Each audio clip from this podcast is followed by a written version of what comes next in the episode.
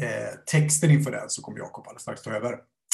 Så den kommer här. Och där vi läser från första Johannes kapitel 1, 5 till 9. Och eh, vi spelar in också här Jakob va? Yes. eh, då spelar vi in från eh, eh första Johannesbrevet, eller vi spelar inte in från första Johannesbrevet, men vi läser första Johannesbrevet 1, eh, vers 5 till 9. Det budskap vi har hört från honom och som vi nu förkunnar vidare för er är att Gud är ljus och att det inte finns något mörker i honom. Om vi därför säger att vi har gemenskap med honom men fortsätter att leva i mörker, då ljuger vi. Vi håller oss ju inte till sanningen. Men om vi lever i ljuset på samma sätt som han är i ljuset, då har vi gemenskap med varandra. Och Jesus, hans sons blod, renar oss från all synd. Om vi säger att vi är utan synd lurar vi oss själva, bara oss själva, och sanningen finns inte i oss. Men om vi bekänner våra synder är han trofast och rättfärdig, så att han förlåter oss våra synder och renar oss från all orättfärdighet. Amen.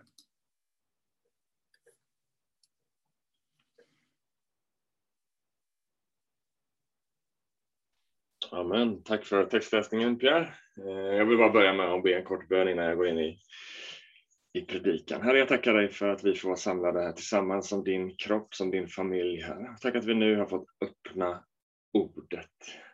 Och det är precis det vi får sitta under just nu en stund, en stund under ditt ord, Herre. Och ditt ord är levande och verksamt. Ditt ord är Kristus till oss. Så jag ber att Kristus ska bli förkunnad till våra hjärtan, att Kristus ska bli levande i våra hjärtan, i våra liv. Och, och eh, göra det som du vill göra i våra liv idag, Herre. Så hjälp oss lyssna med öppna öron. Och jag ber att du ska hålla mig med, i den heliga Andes grepp så att jag får tala ditt ord. I Jesu namn. Amen. Gott att du är här idag och eh, en ära och en förmån för mig att få, få dela Guds ord med dig. Eh, och vi är framme vid sista delen i vår serie Helighet och helhet som vi har haft här under åtta söndagar, där vi har talat om heliga vanor för ett helt liv. Och vi inleder efter nyår med en serie om vem Gud är, där vi ville lägga en grund att få en rätt förståelse av vem Gud är. Och så gick vi in i den här serien, Helighet och helhet, med en längtan att tillsammans få utforska hur vi kan gå ifrån kunskap om vem Gud är, till att faktiskt lära känna honom. Att gå djupare i vår relation med honom. Det är så att Bibeln uppenbarar för oss många olika vägar för att utforska Gud och för att lära känna honom på ett djupare plan. Så i den här serien har vi bara, alltså vi har inte tömt ut alla de här liksom, vägarna som vi kan få uppleva Gud, men vi har fått skrapa på ytan, vi har fått utforska några av de heliga vanor som skapar helhet och helighet i vårt liv. Och det är vad Gud vill för dig. Han vill din helhet. Han vill din hälsa. Ett liv som finns när vi, när vi klär oss i hans helighet. Och det liv han erbjuder, det är en inbjudan till en process av helande och upprättelse på alla livets områden. Det är en form av renovering, ett återställande till vad Gud har skapat oss för. Eh, och självklart så, så kommer vi inte liksom nå fullständig helighet och heligt på denna sidan evigheten. Men det börjar här och nu och kommer fullbordas i det eviga. Och idag ska jag tala om den heliga vanan av syndabekännelse, av bekännelse. Och bekännelse är erkännandet av att jag inte lever mitt liv så rätt, så helt och så fullt som Gud har skapat mig för. Bekännelse är att erkänna behov av Guds nåd och Guds kraft till frihet och att leva det liv som Gud har skapat oss för. Och som vi snart ska se, också i dagens text som vi har hört, så är det kristna livet en pågående process av att bli allt mer lik Jesus. Och så som Bibeln säger, att bli helig så som han är helig. Jag vill här i början av predikan att du ska lyssna till orden ifrån David, kung David, fåraherde David. Om kraften i bekännelsen av sin synd. Lyssna här till orden ifrån Psaltaren 32. Jag kan också dela på skärmen här. Eh, tror jag att jag har den. Nej, jag har inte den texten här, men det spelar ingen roll. Jag läser, du får lyssna, ifrån psalm 32. Salig är den som fått sitt brott förlåtet, sin synd övertäckt. Salig, lycklig är den som Herren inte tillräknar synd och som i sin ande är utan svek. Så länge jag teg, ja, då förtvinade mina ben och jag klagade dagen lång. Dag och natt var din hand tung över mig och min kraft rann bort som i sommarens torka. Men då erkände jag min synd för dig och dolde inte min skuld och jag sa, jag vill bekänna mina brott för Herren och då förlät du mig min syndaskuld. Vilken spännande text om just syndabekännelse. Och vi vet inte exakt bakgrunden till att David skrev just denna psalm, men vi kan känna i orden hans skam och smärta inför Gud. Och vi vet alla, för vi har alla sårat någon någon gång, och vi vet vad som händer. Smärtan över att ha sårat någon man älskar är tung. Men smärtan över att ha sårat Gud, att ha brutit mot hans bud, det är för en sann troende en börda för tung att bära. Synd mot Gud, det är också alltid förknippat med att vi samtidigt har sårat någon annan människa eller oss själva. Vi har försyndat oss mot Guds skapelse och så också mot Gud. Så synden innebär en börda både mot Gud och ibland mot oss själva eller ibland också mot någon annan. Vad är synden? Jo, synden förminskar vad det är att vara människa. Vi har sökt oss till lägre saker. Som Galaterbrevet skriver, vi har sökt oss till de lägre sakerna som ilska, lust, girighet, avundsjuka, egoism och lathet. Och därmed har vi sårat oss själva, vi kanske har sårat andra och vi har syndat inför Gud. Men faktum är att ingen mår bra av sådana tankar eller sådana gärningar.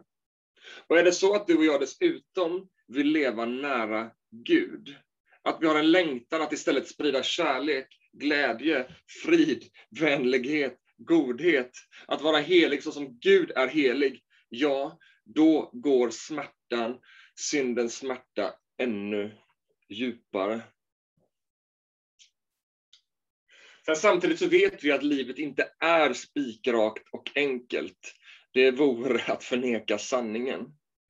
Därför att precis som Paulus uttrycker i Romarbrevet fel, så ibland, i Romarbrevet 7, så ibland så gör vi det vi inte vill göra. Och ibland gör vi inte det vi egentligen vill göra. Självklart är inte det här vårt mål som troende, men det är den verklighet vi ofta lever i. Och då är min fråga till dig och till mig, vad gör vi när det finns en diskrepans, ett avstånd mellan det liv vi vill leva och det liv vi lever?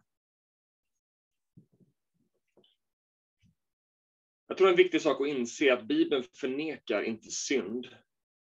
Bibeln förminskar inte heller synd. Men Bibeln ger oss verktyg för att hantera synd. Så att synden allt mer förlorar sin makt över oss, så att vi allt mer kan leva i renhet och i helhet. Jag vet inte hur det är med dig, när du känner att jag har syndat, när du vet att jag har gjort det som inte är rätt i Herrens ögon, jag har gjort det som sårar mig själv och andra.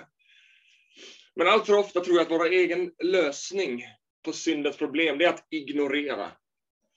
Om jag bara ignorerar det här ett tag, jag försöker glömma eller försöker förminska, ja men det var nog inte så farligt.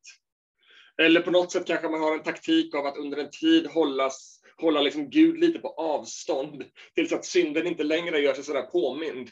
Ja men då kan jag liksom börja leva lite närmare Gud igen när det har gått ett litet tag. Men vet du vad? De där mänskliga vägarna är inga bra vägar.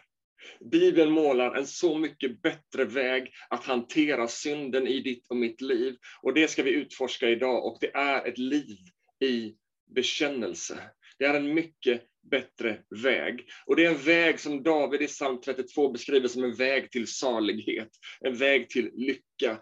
Salig är den som har fått sin synd förlåten. Då bekände jag min synd inför Herren. Dagens text som Pierre läste från första Johannes börjar med att proklamera en sanning om Gud. Gud är ljus och det finns inte något mörker i honom. All förändring som Gud kallar oss till börjar i vem han är. Han kallar oss aldrig att bli något som inte han redan är, utan det kristna livet är ett inbjudan att bli lik honom. All förändring börjar i vem Gud är. Och Det intressanta är, om vi går tillbaka redan till skapelseberättelsen, så lär skapelseberättelsen oss att vi är skapade i hans likhet, imago dei, till Guds avbild. Och vad är det med synden? Vad har detta med synden att göra? Jo, synden vill förvränga vår identitet som Guds avbilder. Synden vill stjäla din och min återspegling av Gud.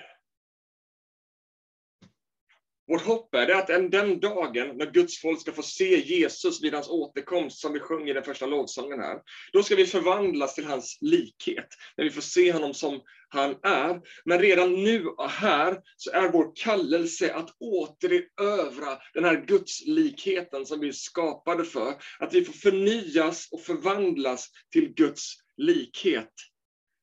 Gud är ljus. Och inget mörker Ingen orenhet, ingen synd, inget skamligt finns i honom. Och vi bjuds in att formas efter vem han är. Det är vårt slutmål, att bli fullkomligt lika Gud på de plan. Men redan nu och här så sträcker vi oss efter detta livet. Och jag är den första att erkänna att här behöver jag mycket nåd.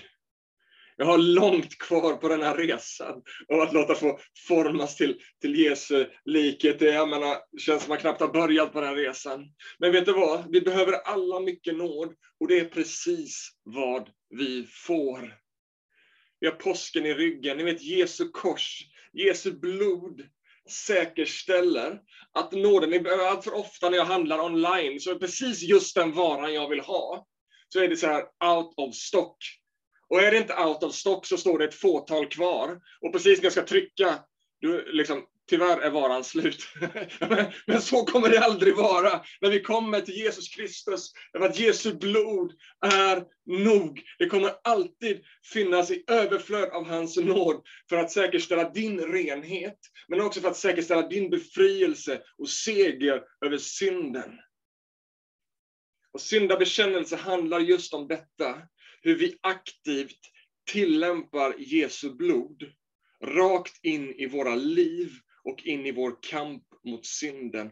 Att applicera det Jesus har gjort på korset in i varje område av våra liv. Och vi ska nu gå in lite mer på syndabekännelse, men först innan vi blir konkreta kring syndabekännelse, så vill jag bara säga något kort om relationen mellan din frälsning, ditt frälsningsögonblick och syndabekännelsen.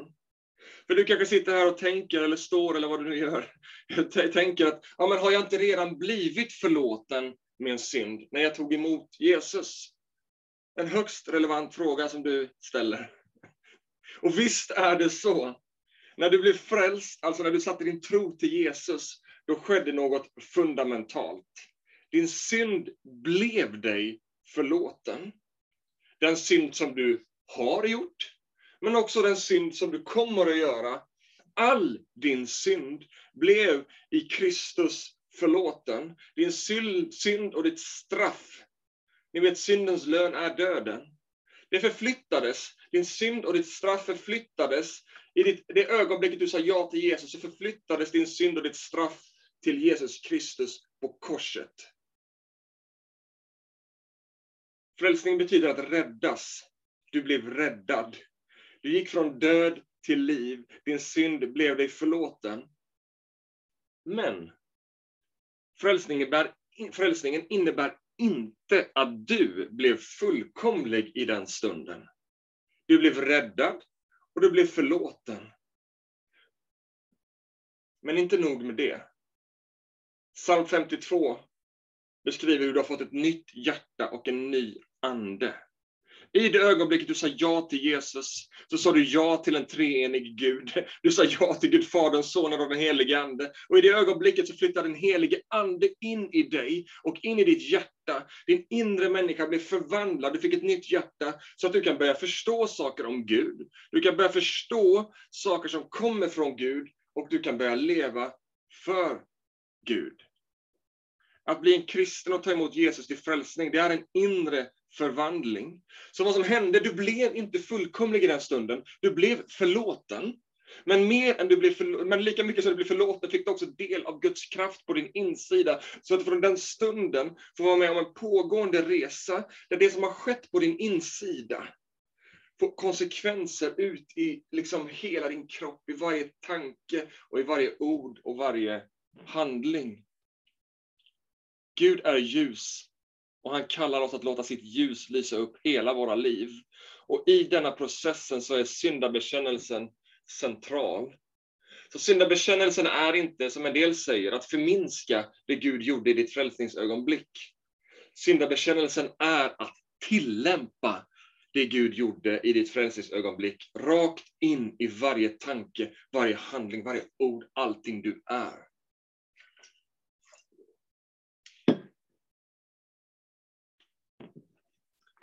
Så fortsätter Johannes att säga, om vi därför säger att vi har gemenskap med honom, med Gud, men fortsätter att leva i mörker, då ljuger vi. Målet med ett liv i bekännelse är att leva i nära gemenskap med Gud om vi säger att vi har gemenskap med honom. Det här handlar om gemenskap. Målet med ett liv i renhet, det är inte din moraliska perfektion, så att du kan hänga upp ett diplom på väggen hemma. Nu har jag uppnått grad 70, 72 av helighet. Utan målet är din och min gemenskap med Gud. Att vi får leva i intimitet med Gud och att vi får njuta av hans godhet. Det kristna livet handlar om att njuta av vem Gud är. Renhetslängtan är inte någonting negativt, att du blir snuvad på konfekten och får leva på liksom ruttna ägg resten av livet. Nej, vet du, det är precis tvärtom. Därför att i mörkret, där får vi smaka på syndens beska eftersmaker. Men i ljuset, där får vi smaka och se att Gud är god. Ifrån början och till slutet.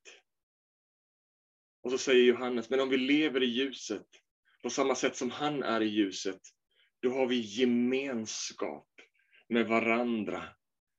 Och Jesu, hans sons blod, renar oss från all synd. I ljuset får vi smaka på gemenskap med Gud, men också på sann gemenskap med varandra. Och det här glömmer vi ibland. Synden är inte bara ett, liksom, slår inte bara in kilar i vår gudsrelation, utan synden slår in kilar emellan oss som människor. Synden skapar avstånd. Synden är missunnsam. Synden misstänkliggör. Synden skapar fasader som liksom gör att vi håller varandra på avstånd. Men ett liv i ljuset gör att vi kan leva nära varandra, vi kan lyfta varandra, vi kan glädjas med varandra och vi kan gråta med varandra, vi kan leva intimt. Men då kanske du tänker, men jag förmår inte att leva i ljuset. Är det kört för mig? Jag vill, och ibland vill jag kanske inte. Jag, jag liksom trivs i mörkret ibland, fast egentligen inte. Men du kanske liksom på något sätt är där i det där läget. Kan jag, är det kört för mig? Kan jag då inte förvänta mig gemenskap med Gud eller med andra? Och jag vill säga två saker kring det här med att leva i ljuset. Två dimensioner av att leva i ljuset utifrån texten. Den första dimensionen av att leva i ljuset, det är att leva med en längtan efter renhet, som vi pratade om för två veckor sedan. Det finns en dimension av att leva i renhet som handlar om, om att leva i ljuset, som handlar om att leva i renhet, som handlar om att du och jag övervinner synd. Det är liksom så att, att vi lever med en längtan, att Guds ljus får lysa upp i hela mig. Det är en viktig dimension. Att vi faktiskt strävar efter att leva i renhet och helighet. Men vi måste också förstå att det finns en dimension till som är helt avgörande, som är precis lika viktig och som faktiskt är det enda som kan möjliggöra oss så att vi kan leva i renhet. Och det är att du och jag lever i transparens inför Gud.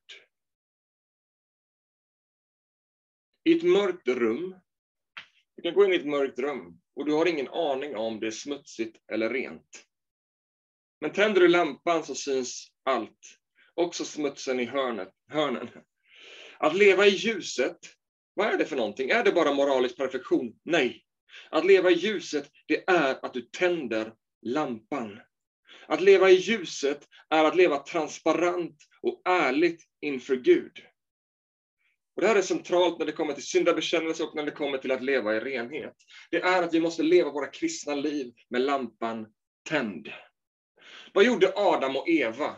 Om vi återigen hoppar tillbaka till, till skapelsen och den tidiga mänsklighetens historia. Vad gjorde Adam och Eva när de såg syndens konsekvenser i sina liv? De gömde sig. De släckte lampan. De tänkte om vi släcker lampan, om vi döljer, så kanske det inte syns att vi är nakna. Det är syndens reaktion i oss, att gömma oss, att dölja, att släcka lampan. Men vet du, Gud visste redan vad Adam och Eva hade gjort. Så varför gömma sig? Spelar ingen roll hur långt bort du springer. Gud, han känner dig till fullo. Gud vet redan vad du håller på med på datorn när du är själv. Gud vet redan hur du, hur du beter dig i dina relationer.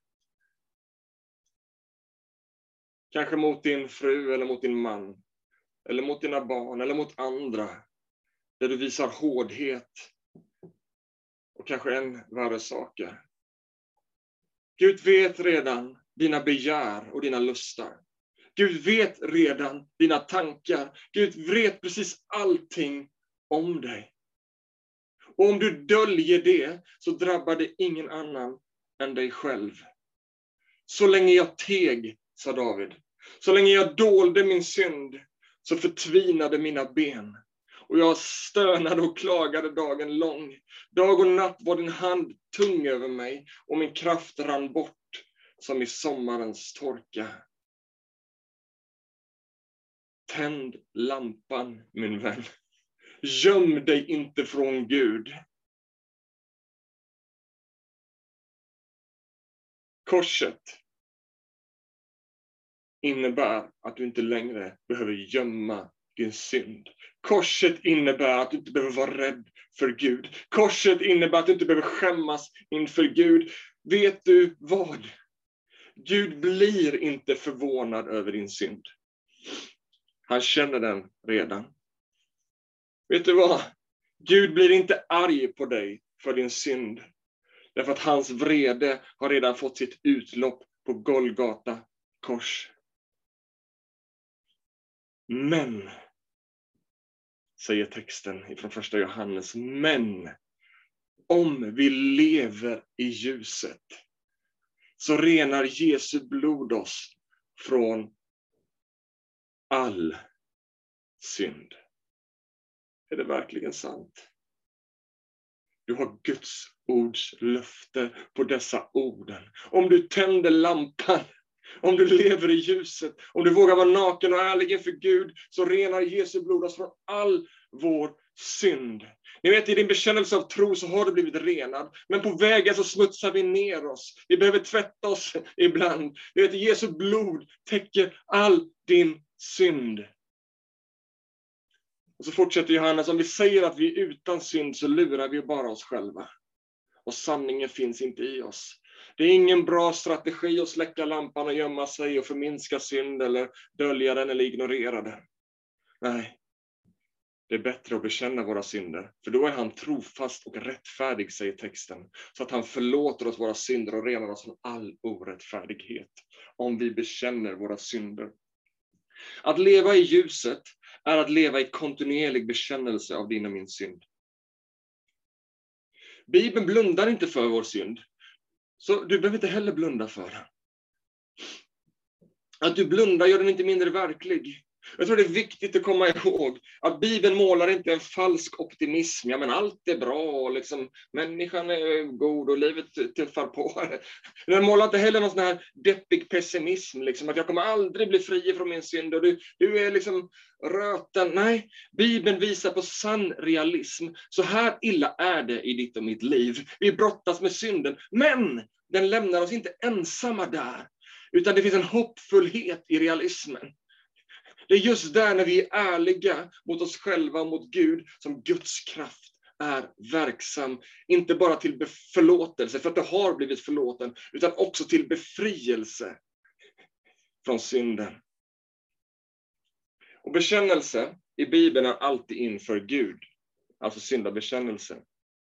Självklart ska vi be om förlåtelse till den vi har felat, om vi har felat någon.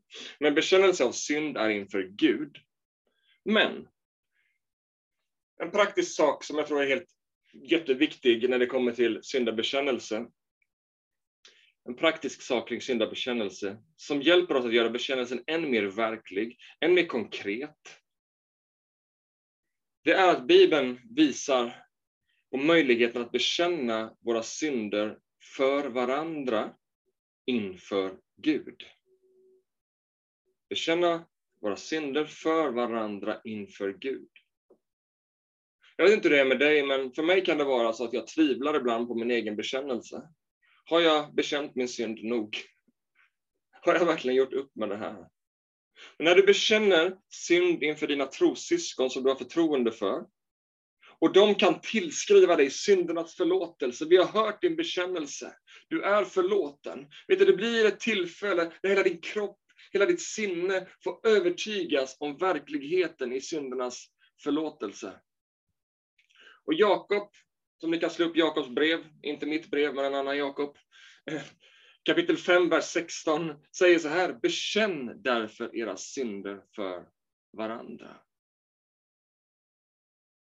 Syndens förlåtelse finns i bekännelsen inför Gud. Så det är inför Gud du blir fri och förlåten, men det finns en kraft att i den lilla gruppen, det är inte så att du ska liksom basunera ut på Facebook, det är inte det det handlar om, det är faktiskt till och med helt fel. Men i den lilla gruppen kan du bekänna din synd.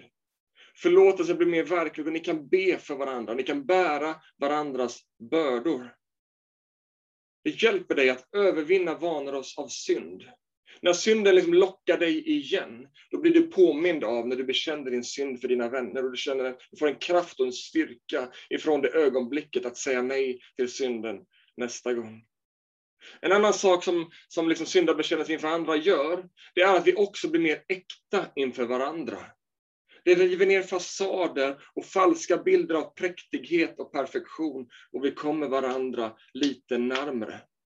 Jag vet inte hur det är med dig, eh, men jag, när jag ser på dig, jag tänker att du är fullkomlig. Jag tänker att wow, de brottas inte med det här och hon, eh, nej, hon har nog inga problem med det. Och, och, och du tänker säkert likadant om mig. Men när vi bekänner våra synder inför varandra så rasar falska bilder av präktighet. Och det är något av det vackraste som har hänt för mig under det sista året är min bönegrupp. Vi är ett gäng killar som har överlåtit oss till varandra.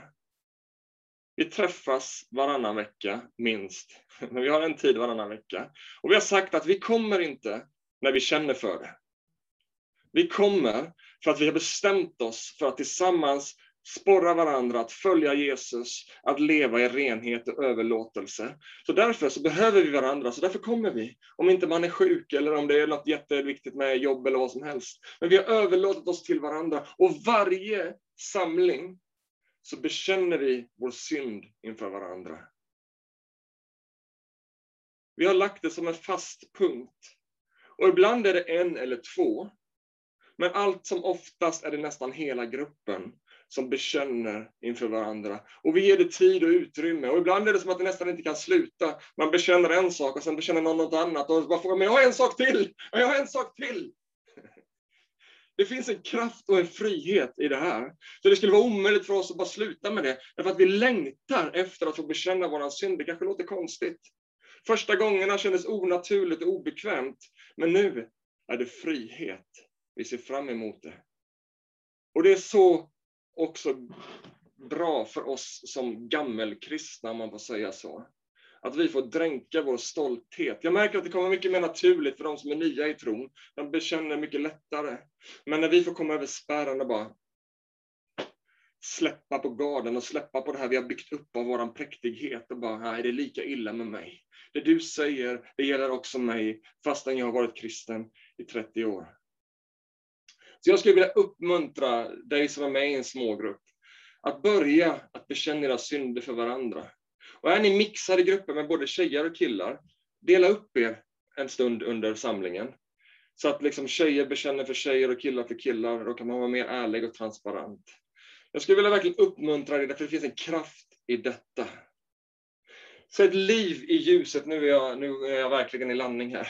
Ett liv i ljuset, det är ett liv i bekännelse, att leva ärligt. Och det är någonting jag har velat säga idag, så är det liksom att, att, att, att leva ärligt, att tända lampan. Inför Gud först och främst, men också nu som vi har nosat här på i slutet, att faktiskt öppna, tända lampan lite också inför varandra. Ett liv i ljuset och i bekännelse är ett liv i ständig transformation mot att bli mer lika Jesus och att leva i en djupare gemenskap med honom. När vi bekänner vår synd så tillämpas Jesu blod rakt in i vår kamp och vi får kraft och styrka att övervinna den synd som Jesus har förlåtit oss för på korset. I mörkret behöver vi gömma oss. Vi lever inte fria. I ljuset kan vi leva fria. I ljuset finns helhet. Det är därför Jakob fortsätter i Jakobsbrevet. Bekänn därför era synder för varandra och be för varandra så att ni blir helade. Den rättfärdiges bön har stor kraft och verkan. Bekänn dina synder så blir du fri och hel från det som synden trasat sönder i din själ. Och be för varandra så blir ni helade, för kraft att leva heligt och helt. I Jesu namn. Amen.